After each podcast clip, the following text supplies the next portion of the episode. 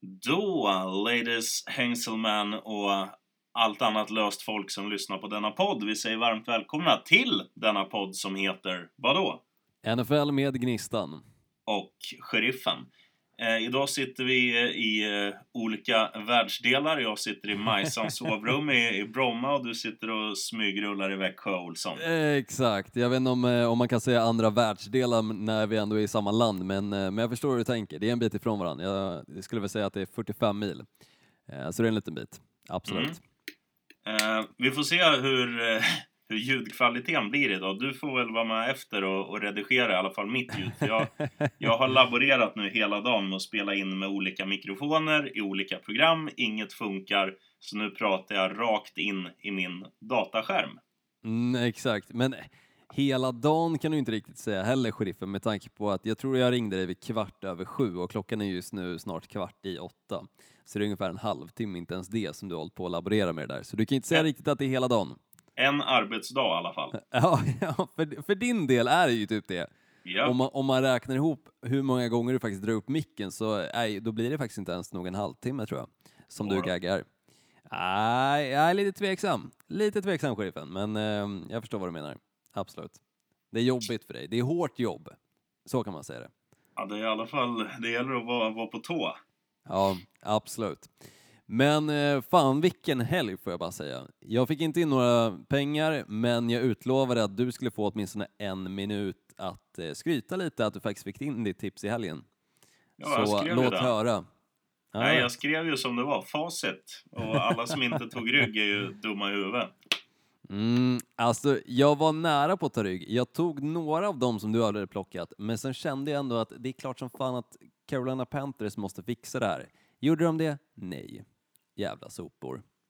Så det var väl den enda som jag egentligen eh, missade på eh, med ditt tips då, för att jag slängde in jag tror jag bytte någon match eller någon, någonting du hade med där och bytte då till Carolina Panthers. Och jag fattar egentligen inte vad Cam Newton håller på med. Hur kan han inte lyckas med den passningen? Det är helt sjukt. Ja, det är klantigt. Och det här är inte första gången heller som han misslyckas med en väldigt enkel passning som hade gett Carolina Panthers vinsten. Dåligt säger jag bara. Mycket dåligt. Vill du höra, Men- ett, vill, vill du höra ett svep så vi summerar veckan som var? Jättegärna med tanke på att den bjöd på väldigt mycket. Så låt höra sheriffen. Ja. För första gången i historien så dammade två lag upp över 50 pinnar på tavlan i samma match. Rams och Chiefs var det som gjorde upp i en galen fight som slutade med att hemmalaget Rams vann med 54-51 och befäste sin plats högst upp på tronen. De blåa från La La Land är ligans bästa lag om vi räknar vinster kontra förluster då de står på 10-1 efter 11 fighter. Ett annat lag som är bra, i alla fall i år, är Chicago Bears. De vann divisionsmötet hemma mot Minnesota och det tack vare ett ruggigt vasst försvar. Bears försvar lät Minnesotas running backs knappt komma någonstans. Och summerar vi deras springspel så landar de på ynka 17 yards på hela matchen. Saints körde väntat över Eagles. Resultatet var väl dock inte så väntat när det skrevs till 48-7. Kross! Eh, Broncos skrällvann borta mot Chargers och detsamma gjorde Oakland i Arizona. Pittsburgh hade det länge tufft i Jacksonville, men likt en golvad boxare reste de sig på nio och Big Ben löste Victorian i matchens sista spel. Hans tröjnummer, Olsson, det här är viktigt. Nummer sju. Lägg siffran sju på minnet. För Texans, de tog sjunde raka borta mot Redskins och Andrew Luck kastade för sjunde matchen i rad över tre touchdown, eh, touchdowns när han överglänste eh, Marcus Mariota och de andra i Titans när Colts... Ah, det är så mycket saliv som brinner. Eh, vi tar den meningen igen. Lägg siffran 7 på minnet. Texans tog sjunde raka borta mot Redskins och Andrew Luck kastade för sjunde matchen i rad över tre touchdowns när han och hans lag överglänste Mariota och Titans när Colts stärkte sina slutspelsaktier. Sju var det ja. Nummer sju, Ben Roethlisbergers nummer. Green Bay åkte på sjunde raka bortaförlusten när de föll tungt i Seattle. Ibland är livet för jävla underbart. Nej, sheriffen, nu tycker jag det var väldigt taskigt med att avsluta med det. Jag trodde någonstans att du skulle skita i att ta med det, bara för min skull och göra mig lite glad åtminstone, men nej, det är klart att du ska dra med att Green Bay Packers förlorade. Ja, men jag Och hittar ju det sammanhanget. Snörpligt förlorar de det också. Jag vet, sju. Jävla jobbigt. Vad kommer efter sju då, sheriffen? Jag vet inte. Nummer åtta såklart. Det hade Ja. Daniel Karlsson, eller har fortfarande. Han spelar ju i Oakland Raiders och är alltså kicker och eh, hans farsa eller morsa är ju svensk. Jag har dålig koll på det där. Eh, men han är i alla fall uppvuxen i USA hela livet så han är väl klassad egentligen som amerikanare. Mhm. Dock så har han bott ett år i Sverige, men han lyckades i alla fall få sitt Oakland att alltså vinna i helgens match, som ändå var lite av en skräll med tanke på, eh, ja, det var ju två skitlag i och för sig som mötte varandra.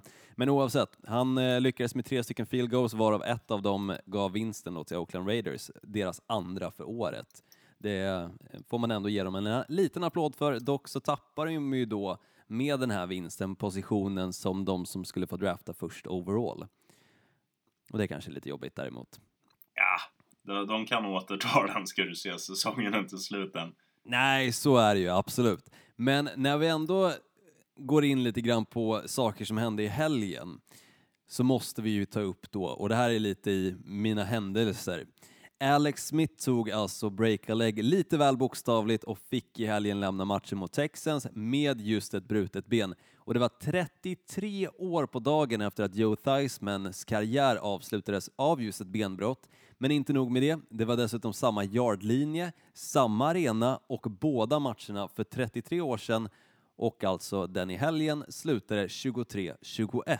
Men likheterna slutar faktiskt inte där. Båda quarterbacksen fick sitt ben brutet och alltså krossat av de enda två defensiva spelarna som har blivit Defensive Player of the Year tre gånger.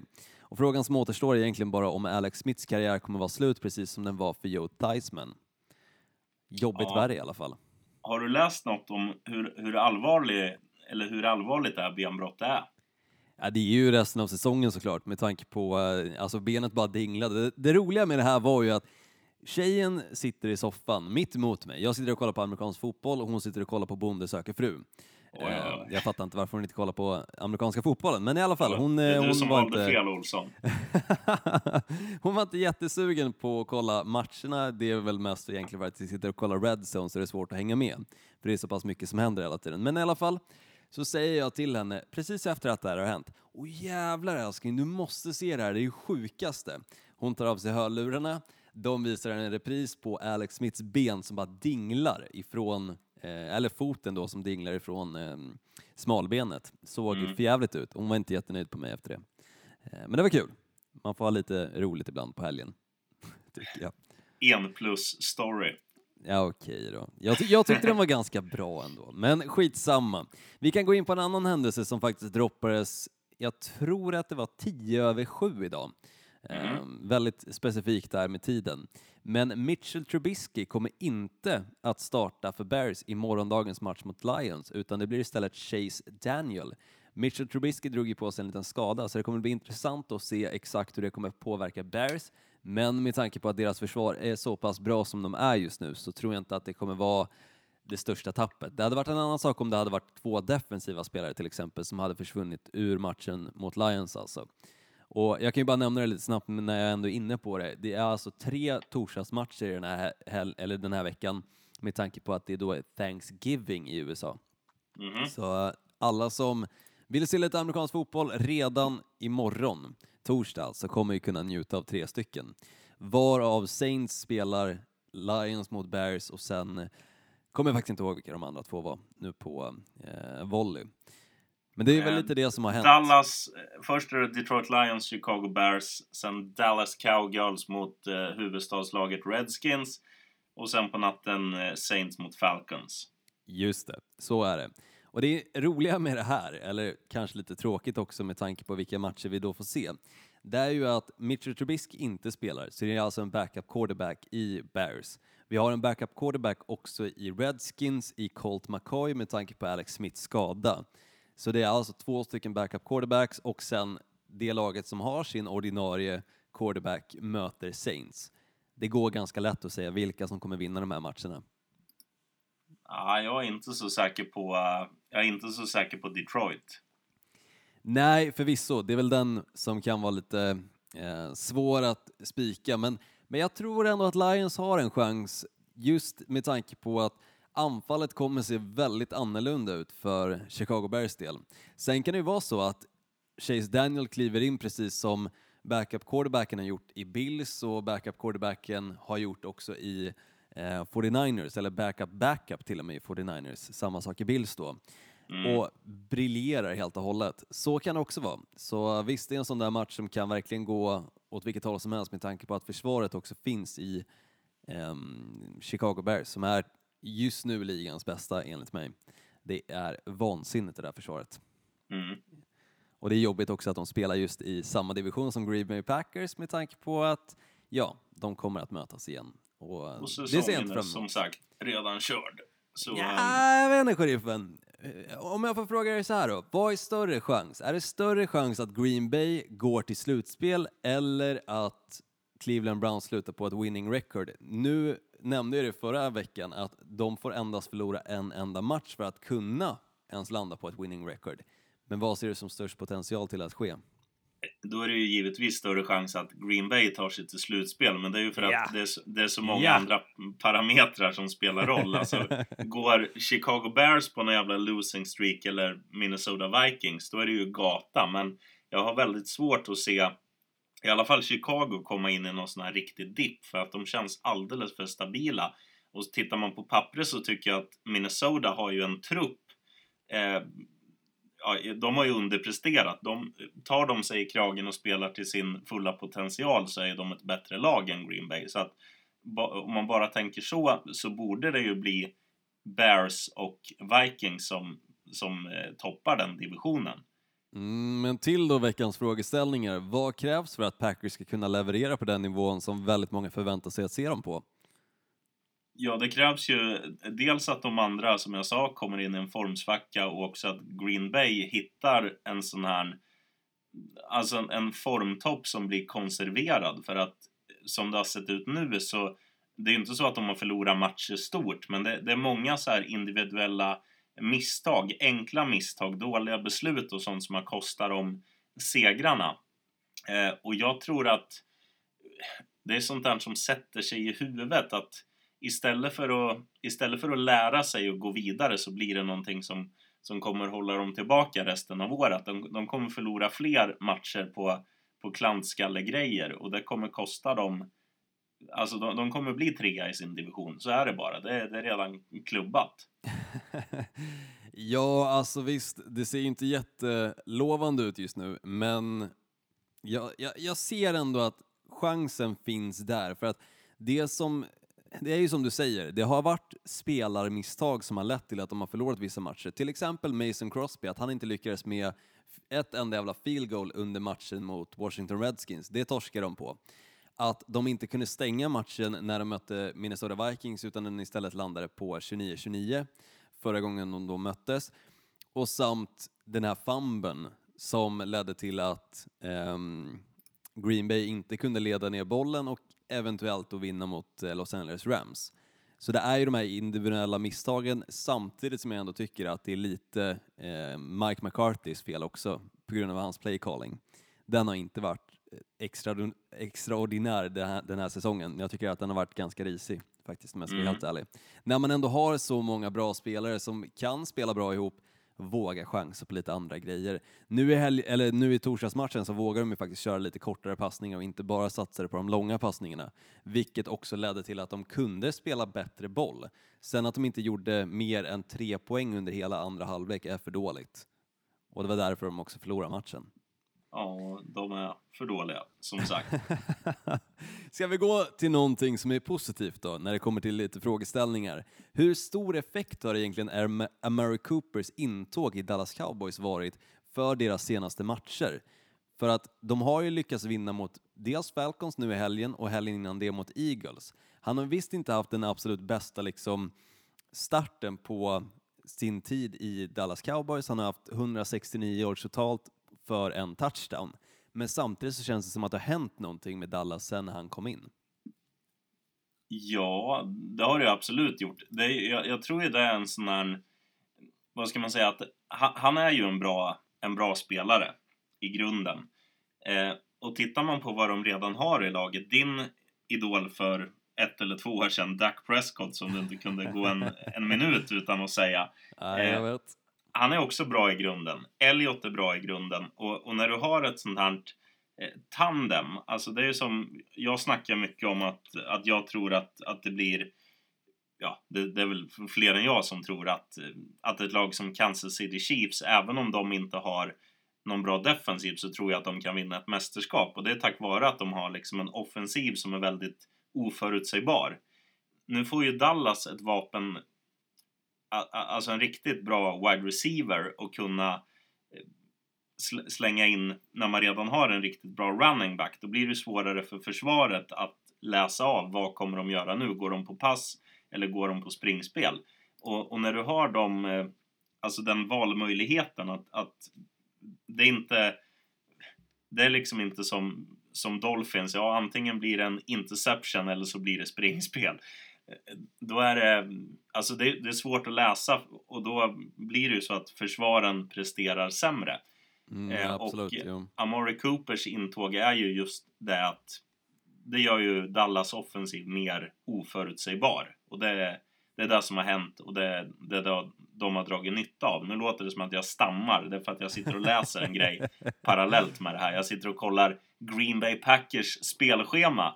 Jaha, nej men sheriffen nu får du fan lägga ner. Nu, nu tycker du du håller på lite för mycket mot Green Bay.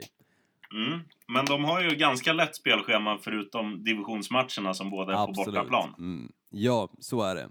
Eh, och jag tror att de möter Lions en gång till, om inte två gånger till till och med. En gång Eh, till. En gång till, precis. Och den kommer de ju vinna, för att Lions är inte det bästa laget just nu. Även om de lyckas vinna mot Carolina Panthers så ser jag fortfarande fördel Green Bay.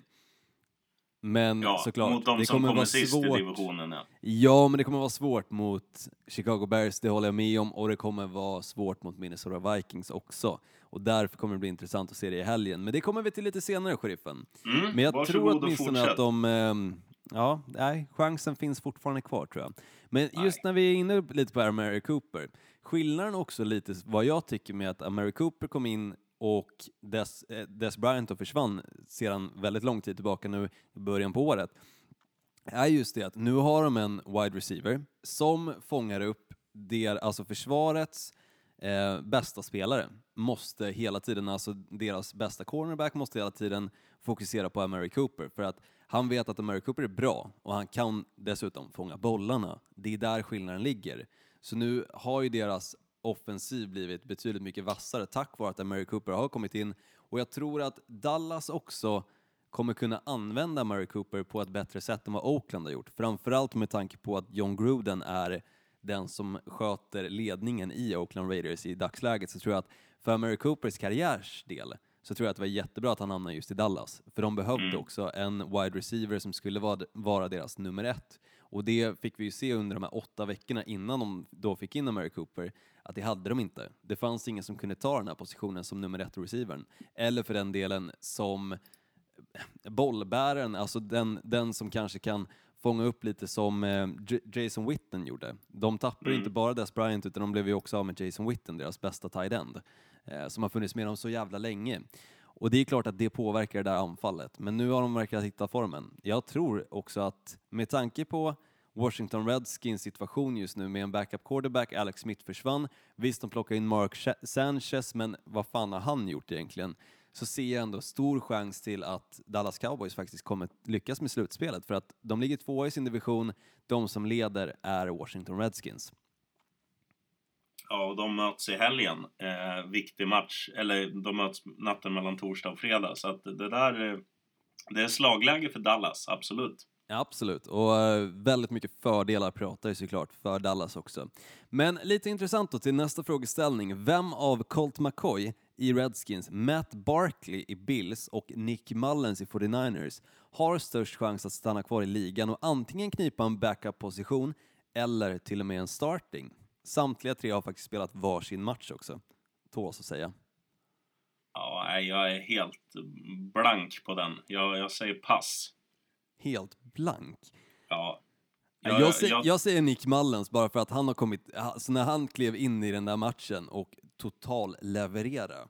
Så um, nej, det, var, det var spännande att se. Samtidigt så var ju samma sak med Matt Barkley. eh, i Bills då när de tog sig an eh, New York Jets. Nu har ju bägge lagen bara mött skitlag, så det ena laget, Bills, då mötte New York Jets och 49ers mötte Oakland, men fortfarande så Nick Mullens hade någonting speciellt, det tycker jag. Eh, Mm. Så jag säger han. Och, Och jag, och jag med. Ja, vad bra sheriffen. Ska vi gå in lite på rookie-kollen? Kör! Och den här veckan så har jag faktiskt slängt in fem stycken rookies istället för tre. För att jag tycker att tre var lite för lite när det är så många rookies som har varit bra. Och jag får väl ändå säga att jag har fem stycken plus en liten bubblare, så sex stycken totalt. Men vi börjar på femteplatsen. Lamar Jackson, quarterback i Baltimore Ravens, fick starta för första gången nu i helgen mot Cincinnati Bengals. Hade 150 passing yards bara, ingen touchdown, men han hade 117 rushing yards. Det är sinnessjukt för att vara en quarterback. Mm. Och hela hans första drive var bara runs. Så det var rätt kul att se. Han hade inte en, en enda passning under hela första driven. På fjärde platsen, Traquan Smith i eh, New Orleans Saints. Det känns verkligen som att de har den här andra receiven. Först är det såklart Michael Thomas och sen nu Traquan Smith. De gjorde ju sig av med Willie Snead som tidigare har lite agerat den positionen samt eh, Ted Ginn Jr som då också försvann i början på säsongen, eh, eller precis innan säsongen drog igång, så känns det ändå som att de har hittat rätt i Traquan Smith som alltså hade 10 catches, 157 yards och en touchdown. Nu tåls det också säga att just New Orleans Saints har ju Drew Brees som quarterback. Han hittar sina receivers rätt, rätt lätt. Ja, ja. Tredje platsen, DJ Moore, wide receiver i Carolina Panthers. Han hade sju catches, samma antal yards, nämligen 157, och även han en touchdown. Men just i och med att han hade bara sju catches, Traycon Smith hade 10, så hamnade DJ Moore på den platsen. Jag tror dessutom att DJ Moore hade en passning som gick då till den här touchdownen för 82 yards. Och det är stort. Och han spelar Mm. alltså i Carolina Panthers. Inte lika bra quarterback som New Orleans Saints har såklart, med tanke på att Cam Newton inte alltid hittar rätt på sina spelare. Andra platsen, då har vi en running back som heter Philip Lindsay, spelar i Denver Broncos, hade 15 touches, 106 totala yards och två stycken rushing touchdowns. Definitivt värd en andra plats tycker jag. Och då, första platsen. Vad tror du, sheriffen? Vem hamnar där? Ja, det här ska man ju kunna, men... Eh, nej, pass. Han draftades second overall. Barkley Då bör du ha ett namn. i Ja. Giants. Saquon Barkley, running back i New York Giants, hade 29 touches, 152 totala yards och hade en hattrick när det kommer till touchdowns. Tre stycken fick han in och det är ju såklart att han hamnar då på första platsen. Och dessutom så lyckades New York Giants också vinna matchen, vilket var lite, lite udda att se, men, eh, men kul för deras del. Mm, Och- den, var vi, den var ju i alla fall jag inne på. Som, den var Ja, jag, var- jag var inne på den också, definitivt. Jag Mm. var def- dessutom inne på att eh, Dallas Cowboys skulle vinna mot ehm, Atlanta Falcons. Så, så det kändes skönt. Mm. Men jag fick ändå inga pengar i helgen. Bubblaren då? Justin Reed, safety i Houston Texans. Anledningen till varför han hamnade lite utanför är för att han kanske inte gjorde jättemycket under matchen så, men han hade ändå en 101 yards pick six. Det är stort. Mhm. Dock i och för sig mot Washington Redskins, men fortfarande. Han, eh, han kanske kommer slinka in någon annan gång under den här säsongen. Vem vet? Han är åtminstone värd att nämnas för en 101 yards touchdown. Det är inte många som lyckas med det. Jag tror att James Harrison bland annat har lyckats med det. En av mina idoler som numera är pensionerad dock. Mm. Vad säger du? Ska vi gå in lite på ordinarie programpunkter? Det Och, tycker jag. Vi börjar med att... Eh, ja, vi har ju inga ljudeffekter nu för att Nej. vi eh, sitter hemma. Så att jag säger Gnistan Olsson, you're stupid. You're stupid.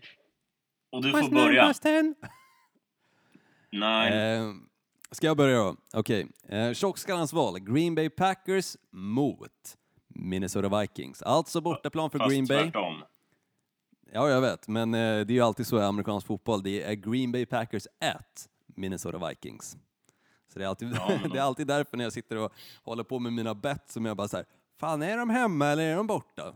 Glömmer alltid bort. Men i alla fall, Green Bay spelar borta mot Minnesota Vikings.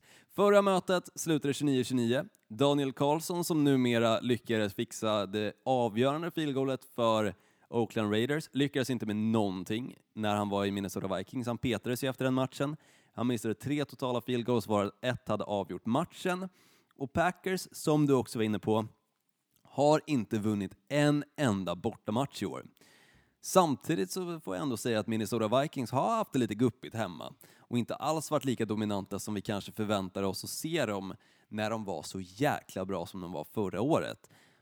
Och där ser jag lite fördel, tycker jag, för Green Bay Packers. Nu vet jag att du inte riktigt kommer hålla med mig. Du är Men. Adam Thielen, han som alltså lyckades med åtta raka matcher med över 100 receiving yards, har ju sedan dess inte levererat på samma nivå. Samtidigt tycker jag inte att man har sett då att bollbärandet, eller bollbördan, eller hur man nu ska eh, uttrycka sig, har landat hos Stefan Diggs heller. Utan det känns nästan som det snarare helt och hållet har försvunnit. Och där ser jag också som sagt kanske mer fördel till Green Bay Packers för att ja, de har en bättre quarterback. Aaron Rodgers mot Kirk Cousins och dessutom så har de ju väldigt mycket mer ödmjuk quarterback i Green Bay Packers som alltså donerar en miljon dollar till då eh, hjä- hjälpa alla som har blivit utsatta av den här branden som har pågått i Kalifornien ett bra tag. Och Mm. dessutom, det här är ett divisionsmöte, så den kommer ju bli spännande att kolla på den här matchen. Spelas natten mot måndag. Helt klart värd att sitta uppe för. Och jag ska alltså åka dagen efter till Malta, så jag kan vara lite småtrött. Det funkar. Jag kommer ju sitta på ett flyg ändå. Intressesmurfen, intressesmurfen hoppar inte alls. Vi tar min match då. Jag, Ja, jag ska fatta mig lite kortare. Det är ju ganska många matcher den här helgen som inte gäller så mycket. Det finns ett par stycken, alltså typ eh, Indianapolis Colts mot Miami Dolphins som jag kanske borde välja, men jag väljer att avstå. Där står ju båda på på 5-5, så att det är ju en match, en viktig match i vilka som ska haka på i racet. Mm, Och sen finns det absolut. också en in intressant match som spelas i, ja, vad heter staden? Charlotte heter den i North Carolina, mellan Carolina Panthers och Seattle Seahawks. Här är ju två lag som också är med i racet.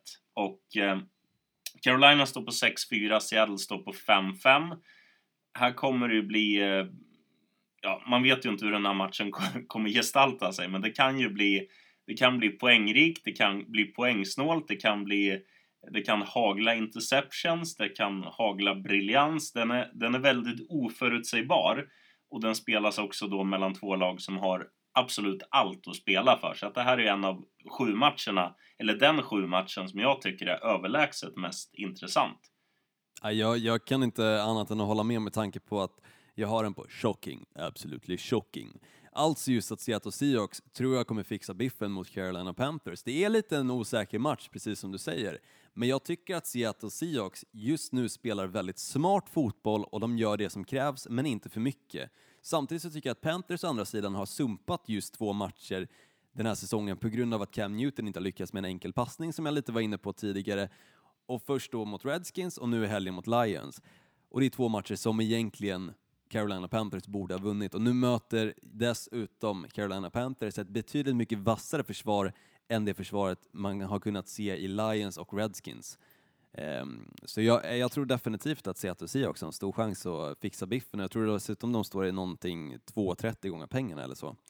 Ja, Ehm, 2.53 till och med enligt min 2,53. lista här. Och det tycker jag är jättekonstigt. Jag fattar inte varför. Alltså Se- Seattle Seahawks har varit nära två gånger på att spöa Los Angeles Rams. Alltså de har varit tre poäng ifrån bägge matcherna. Eller en poäng till och med, en av matcherna tror jag. De har varit svinnära i andra möten, till exempel det då mot Los Angeles Chargers var de också väldigt nära på att fixa. De lyckades spöa Green Bay Packers.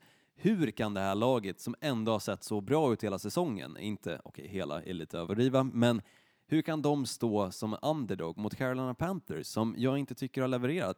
Greg Olsen de senaste två matcherna har varit helt osynlig. Ah, hans varit? catch, hans catch för, förra veckan var helt galen. Jo, Men- jo, men hans catch talar inte till hans nummer, vad han har faktiskt lyckats leverera. Och det kan också Nej. vara för att Cam Newton kanske inte hittat honom, men det är ju också lite upp till Greg Olsen att ta sig fri från sina försvarare. Men så, sen är det ju så här också när, när Cam Newton har spelare som McCaffrey som är glödhet. Han har Funches som har gjort sin bästa säsong någonsin. så är ju, då är ju inte Greg Olsens hans main target utan det är en så här, blir mer en avlastningsspelare som man använder när, när de andra är, ja, inte är i form. Absolut. Mm. alltså tittar man på, tittar på McCafferty om det är för två eller tre veckor sedan, alltså han är ostoppbar. Han till och med voltar över försvarare och tar sig förbi. Han är, alltså, han gjorde ju sitt livsmatch då. Absolut, men nu möter de ju ett försvar i Seattle Seahawks som har lyckats stoppa upp Todd Gurley två gånger och ändå lyckats hålla ner poängen ifrån Los Angeles Rams del samtidigt som de har lyckats spotta upp lika, nästan lika mycket ska jag säga då, poäng som just Los Angeles Rams. Därför ser jag att det kommer vara svårt för Carolina Panthers del. Och visst, du är lite inne på det att visst, Greg Olson kanske inte har varit nummer ett-receivern just nu, för att också DJ Moore har då kommit fram och levererat väldigt bra. Och nu som senast 157 yards och en touchdown, det är bra. Men samtidigt, jag, jag ser för mycket fördelar Seattle Seahawks för att jag skulle klassa dem som en underdog i den här matchen. Därför tar jag den som skrällen. Ja, det är skönt så. Mm. Carolina har ju dessutom vunnit fem av fem hemma så att det, det ska mycket till för att men, visst har Seattle chansen, det, det, tror jag också, men det ska bli en intressant fight. Ja, det blir eh, det. Definitivt. Jag, hitt, jag hittar min skräll i eh, Philadelphia istället. Och då snackar jag inte om Eagles som förra året vann Super Bowl och det var en skräll. Nu, mm. nu spelar de hemma mot New York Giants. Eh, för Eagles del, alltså den här säsongen är körd. De, ja, har, de, de har ingenting nu. Det är alltså, den, de är värdelösa. Abs, alltså den absolut största bes, besvikelsen. De, de, är under all kritik. Och jag, jag, tror inte att de mår bättre efter förra veckan nu när de åkte till eh, New Orleans och lyckades lassa upp sju och lyckas släppa in 48. Tittar man i andra spektrat, alltså New York Giants är ju, de är heta för första gången på hela säsongen. Barkley var, som du sa i rookie-kollen, bästa, bästa förstaårsspelaren eh, nu. Eh, det känns som att både Engram och eh, Beckham Jr gjorde kanske inte sina bästa matcher för året, men de var bra i alla fall förra veckan. Och Eli Manning var för första gången ganska duktig på att ge bollen till rätt spelare. Och kan den kvartetten bara eh, alltså konservera formen till den här veckan, då har ju de absolut en chans att slå Philadelphia Eagles, för de är under isen så det skriker om det och över tre gånger pengarna på Giants, det är bara lassa. Jag, jag kan inte annat säga än att jag faktiskt håller med dig där, för att eh, jag kör ju pick'em också såklart, bara väljer lite lag som jag tror kommer, tror kommer vinna. Jag har valt Giants. Och jag tror att de kommer vinna för att de, de ser vassa ut. Eh, och i helgen fick vi ju då se faktiskt hur Giants kan leverera, hur deras anfall kan se ut när fortfarande Eli Manning spelar. Och de behöver inte göra det svårt för sig, utan spelarna kan göra jobbet åt honom snarare än att han ska behöva kasta bollen för långt, vilket oftast bara hamnar i fel, eh, fel händer. Men när vi ändå pratar lite om just Philadelphia Eagles, så har jag en annan frågeställning till dig, sheriffen, bara lite snabbt. Vilka skulle Shoot. du se som den största floppen i år? Ja, det är ju Eagles. Är det Eagles eller är det Jaguars? För att Jaguars, som i helgen nu möter Buffalo Bills, de står på samma jävla record som Buffalo Bills, 3-7. Ja, det måste ju också ses som en sjukt jävla stor flopp med tanke på hur tokhyllade just Jacksonville Jaguars var. Alltså, man förstår ju ändå lite att Philadelphia Eagles kanske har lite svårt den här säsongen för att just Carson Wentz var ju skadad. Han kom tillbaka sent i säsongen. Vecka fyra tror jag var hans första match som han faktiskt spelade den här alltså säsongen. Och det är ju såklart att det tar lite tid innan han väl kommer tillbaka och han kommer inte leverera på samma nivå som han gjorde förra året när han slet av sig korsbandet. Det är ganska svårt att göra. Men däremot i just Jacksonville Jaguars, visst de har tappat mycket från anfallet och Fournette har varit skadad också. Men just att de ligger på 3-7, samma record som Buffalo Bills, det tycker jag nästan är den största floppen. Nej, men, men om man, jag stoppar dig där och säger så här att Eagles vinner alltså Super Bowl. Eh, mm, Okej, okay. jo, du har mig där. Titta på, de, titta på de andra lagen som har vunnit. Ta New England Patriots. De har, de har varit där hela tiden. De är bra, ja, de, är de är bra år efter år efter år efter år. Philadelphia, har de ett sämre lag än i fjol? Svar nej. De har samma lag, kanske till och med ett bättre lag än i fjol. Eh, vem vann de Super Bowl med? Var det med Wentz? Svar nej, det var med Foles. Han inledde säsongen, han inledde dåligt. Wentz har tagit över. Han har gjort det kanske något bättre, men fortfarande alldeles för dåligt eh, kontra vad han kan. Tittar man på det andra laget, eh, som vi snackade om, Jacksonville, de var ju i fjol en defensiv maskin som tack vare det tog sig till slutspel. Först i slutspelet i New England så klickade deras offensiv. Det var egentligen enda gången på hela säsongen som, som offensiva ja, enheten nej, offensiven presterade. klickade ju mot Pittsburgh Steelers också. De fick över, över 40 poäng på tavlan, fick de mot Okej, Pittsburgh. Två av 17 matcher var deras offensiv bra. De Mm. andra matcherna vanns av defensiven. Den som var katalysatorn i deras offensiv eh, merparten av matcherna, det var Leonard Fournette. Han har inte spelat den här säsongen. Jo, han har spelat. Han gjorde en touchdown nu senast. Men han har varit skadad. Och, alltså, och som du sa, att de har gjort sig av. Alltså varenda bra wide receiver som har varit kontrakterad för Jacksonville Jaguars är inte där längre. Så att Mm. Ja, jag förstår ju, vad du säger. Alltså, tit, tittar man bara på truppen så är ju Eagles fem gånger så bra som, som Jaguars. Absolut, men jo, de så har tokfloppat.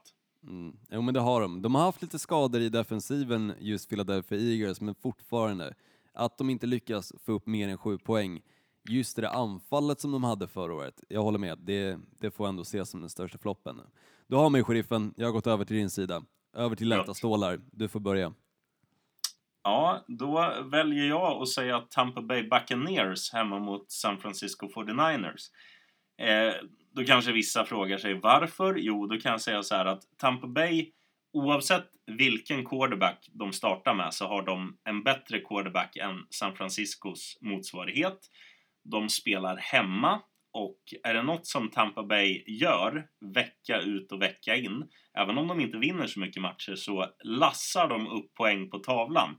Kan Nej, de lastar upp yards på tavlan. Poäng är inte alltid att de gör, men de lastar Ah. upp yards.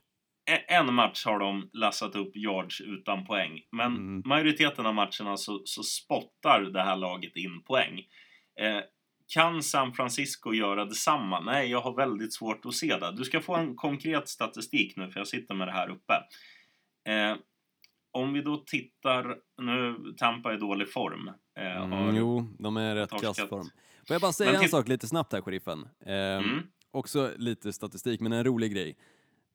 Tampa Bay Buccaneers, när de förlorade, jag tror de var mot Washington Redskins och bara fick upp tre poäng på tavlan. Då hade de mer yards än vad Los Angeles Rams hade i måndagsmatchen nu. Som alltså Los Angeles Rams fick upp 54 poäng på tavlan på. Ja. Det är rätt sjukt. Mer yards, 3 poäng. Mindre yards, 54 poäng. Det är inte alltid yardsen som räknas. Så enkelt är det. Ungefär Nej, som det är inte alltid storleken som räknas. Det är klart det är så, men tittar man på San Francisco på bortaplan, de har inte vunnit en jävla bortamatch. Eh, Tampa är visst i dålig form, eh, men det kan man väl säga om San Francisco också. De har, de har vunnit en av sina fem senaste, Des, detsamma gäller Tampa. Eh, men hemma är de bra och eh, nej, jag, jag skulle inte satsa min lägenhet, men jag skulle kunna satsa en bil i alla fall på att Tampa vinner.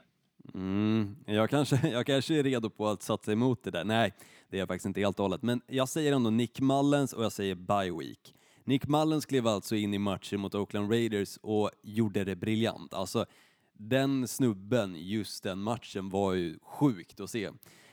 Och nu har de alltså haft en bye week, han har lyckats jobba sig in lite bättre i truppen och kanske har sina favorit wide receivers nu, just nu också. Och Matt Breida, deras running back, spelar jäkligt bra. Det går inte riktigt att säga samma sak om hur running back-positionen ser ut i Tampa Bay Buccaneers. Visst, quarterback-positionen och wide receiver-positionen ser bra ut, men det är just det här poäng, eh, alltså det svåra med Tampa Bay Buccaneers, att ibland får de bara inte upp poäng. Eh, även hur många gånger de ens kommer ner till red zone. Och visst, det som Tampa Bay Buccaneers har i fördel, vilket är sjukt att säga, det är att när de slänger in den en, vilken quarterback nu än de har på bänken, så spelar han skitbra. Sen väljer Mm. de att starta den quarterbacken nästa vecka. Han spelar svindåligt och så kommer antingen Fitzpatrick eller James Winston in och spelar svinbra igen. Det är så sjukt att se hur de går liksom andra halvlek som tåget. Men första halvlek spelar de kast och så blir de bänkade och så kommer den andra in. Nej, helt galet egentligen. Jag, de, har, de, har ingen, de, de har ingen kontinuitet i, i alla fall. Det kan man säga om Tampa Bay Buccaneers. Det är precis där de har. De är dåliga i första och bra i andra. Ja, i och för sig. Jo, då lastar de ju upp svin mycket poäng och helt plötsligt, en match som kanske har stått typ 3-27 blir helt plötsligt 27-27 och man sitter där och bara gapar och tänker jävla Tampa Bay Buccaneers, ska de förstöra mitt bett den här helgen igen? Jävla svin. Nej, lätta stålar för min del om jag ska gå in lite snabbt på det. Cleveland Browns vinner mot Cincinnati Bengals för att när A.J. Green skadade sig försvann hela Bengals hopp och det kändes som att när Hugh Jackson kom in i klubben fastän han bara är någon så här specialcoach så slog sista spiken ner i kistan för att Bengals chanser skulle bli eventuellt ett slutspel. Och i samma värld så ser det faktiskt tvärtom för just Browns del. Då deras wide receiver J- eh, Josh Gordon försvann och Hugh Jackson fick dojan så har faktiskt Mayfields börjat, börjat spela svinbra. Nick Chubb, helt rätt man för jobbet och försvaret fortsätter att vara en nagel i ögat för quarterbacks och hoppfulla fantasyägare. Jag tror att Cleveland Browns vinner. Ja, det är absolut inte omöjligt. Nej, för det Cincinnati Bengals vi ser just nu, inte så bra. När man släpper in en rookie quarterback i Lamar Jackson, låter han springa över hela sitt försvar, ja, då kommer man förmodligen ha det ganska svårt också mot Baker Mayfield som draftades first overall och spelar dessutom väldigt bra. Jag Ja, tror men- Cleveland vinner. Du kan inte gå på draftsiffror, Olsson, när det är olika Nej, quarterbacks. jag Den, vet, jag den vet. förstnämnda, men- han är ju draftad för att springa med bollen. Det är ju inte Baker Mayfield. Nej, jag vet, men Lamar Jackson kan passa bollen också, det kan han. Men eh, oavsett vad, jag tror att Cincinnati Bengals är ungefär som en ballong som har pyspunka. Så kommer deras övriga säsong se ut. Det kommer sakta men säkert bara bli sämre och sämre. Och Cleveland Browns kommer ta den här segern och sen kanske jag kommer sitta och hoppas på att jag slipper göra den här Cleveland Browns-tatueringen. Eh, dessutom, jag hoppas verkligen att de landar på en winning record den här säsongen. Annars måste jag alltså göra deras logga på armen, vilket känns lite surt. Det är inte den Mm. snyggaste loggan heller. Det hade varit roligare om det var Saints jag pratade om. Eh, men nej. Men-. Men det sjuka är att o- om du, gör, om du gör den där, då kommer det ändå vara din snyggaste tatuering förutom Orup. nej, nej det, nu tycker du var taskig, sheriffen. Nu tycker du var väldigt Jag taskig. passar på när jag får upp ett mål. Mm, nej, jag tycker inte det var öppet mål. Jag har faktiskt fått mycket komplimanger för mina tatueringar. Det måste jag ändå tillägga. Ska vi köra Thug Vem där? Är du ready? Olsson. Mm, Ja, vi kör. Mm, mm, mm, Okej. Eh, ja, vem ska man lägga pengarna på? Och det här är en quarterback då som kommer springa in bollen för en touchdown. Eh, en QB som gör touchdown. Eh, ja, fan. Den är, den är lurig. Jag säger direkt Lamar Jackson. Han fick ingen touchdown i helgen. Han fixade den här helgen mot Cincinnati. Nej, inte mot Cincinnati Bengals. Det var förra helgen som de möttes. Nu kommer jag inte ens ihåg. Jag tror de möter ett skitlag i alla fall. De möter Oakland. Ja, precis. Han fixar definitivt en touchdown. Kanske till och med två. Så. Enkelt. Ja, men det är ju en av de få som, alltså QBs som, som springer med bollen. Eh, så att det kan vi absolut göra. Men vad fan, jag, eh, jag tar rygg på han du alltid hyllar och Baker Mayfield. Det är dags för honom att springa in en kanske. Mhm, spännande, spännande. Och visst, det kan absolut gå med tanke på Cincinnati Bengals toppförsvar just nu. Vem ska man då lägga pengarna på som kommer ha fler än två touchdowns? Fler än två, alltså minst tre. Alltså fler än två, precis. Eh, nej, alltså eh, två touchdowns menar jag såklart. Så, Fler än en. fler än en. Tack. Det, Eh, det blir inte ja rätt du här. Olsson. ehm, jag säger väl eh, våran hjälte ifrån Chargers då, Melvin Gordon. Nu är det dags att, när han, när han möter det sämsta laget som någonsin har stått på en fotbollsplan, Arizona Cardinals, hemmaplan. Och nu när Chargers klantade bort det får man väl säga mot, eh, mot Denver Ja, men det gjorde de. eh, Det i gjorde de. veckan som var. De, de är ju alltså väldigt revanschsugna. Mm. De kommer ju komma till lägen, för det gör man när man möter Cardinals. Och jag tror att de kommer, jag tror att Philip Rivers kommer kanske vara lite mer, eh, alltså lämna ifrån sig bollen lite mer än, än vad han gör i vanliga fall. Så att Melvin Gordon kommer få många touches och det innebär många touchdowns, i det här fallet två åtminstone, yes. Ja, jag säger Nick Chubb på den.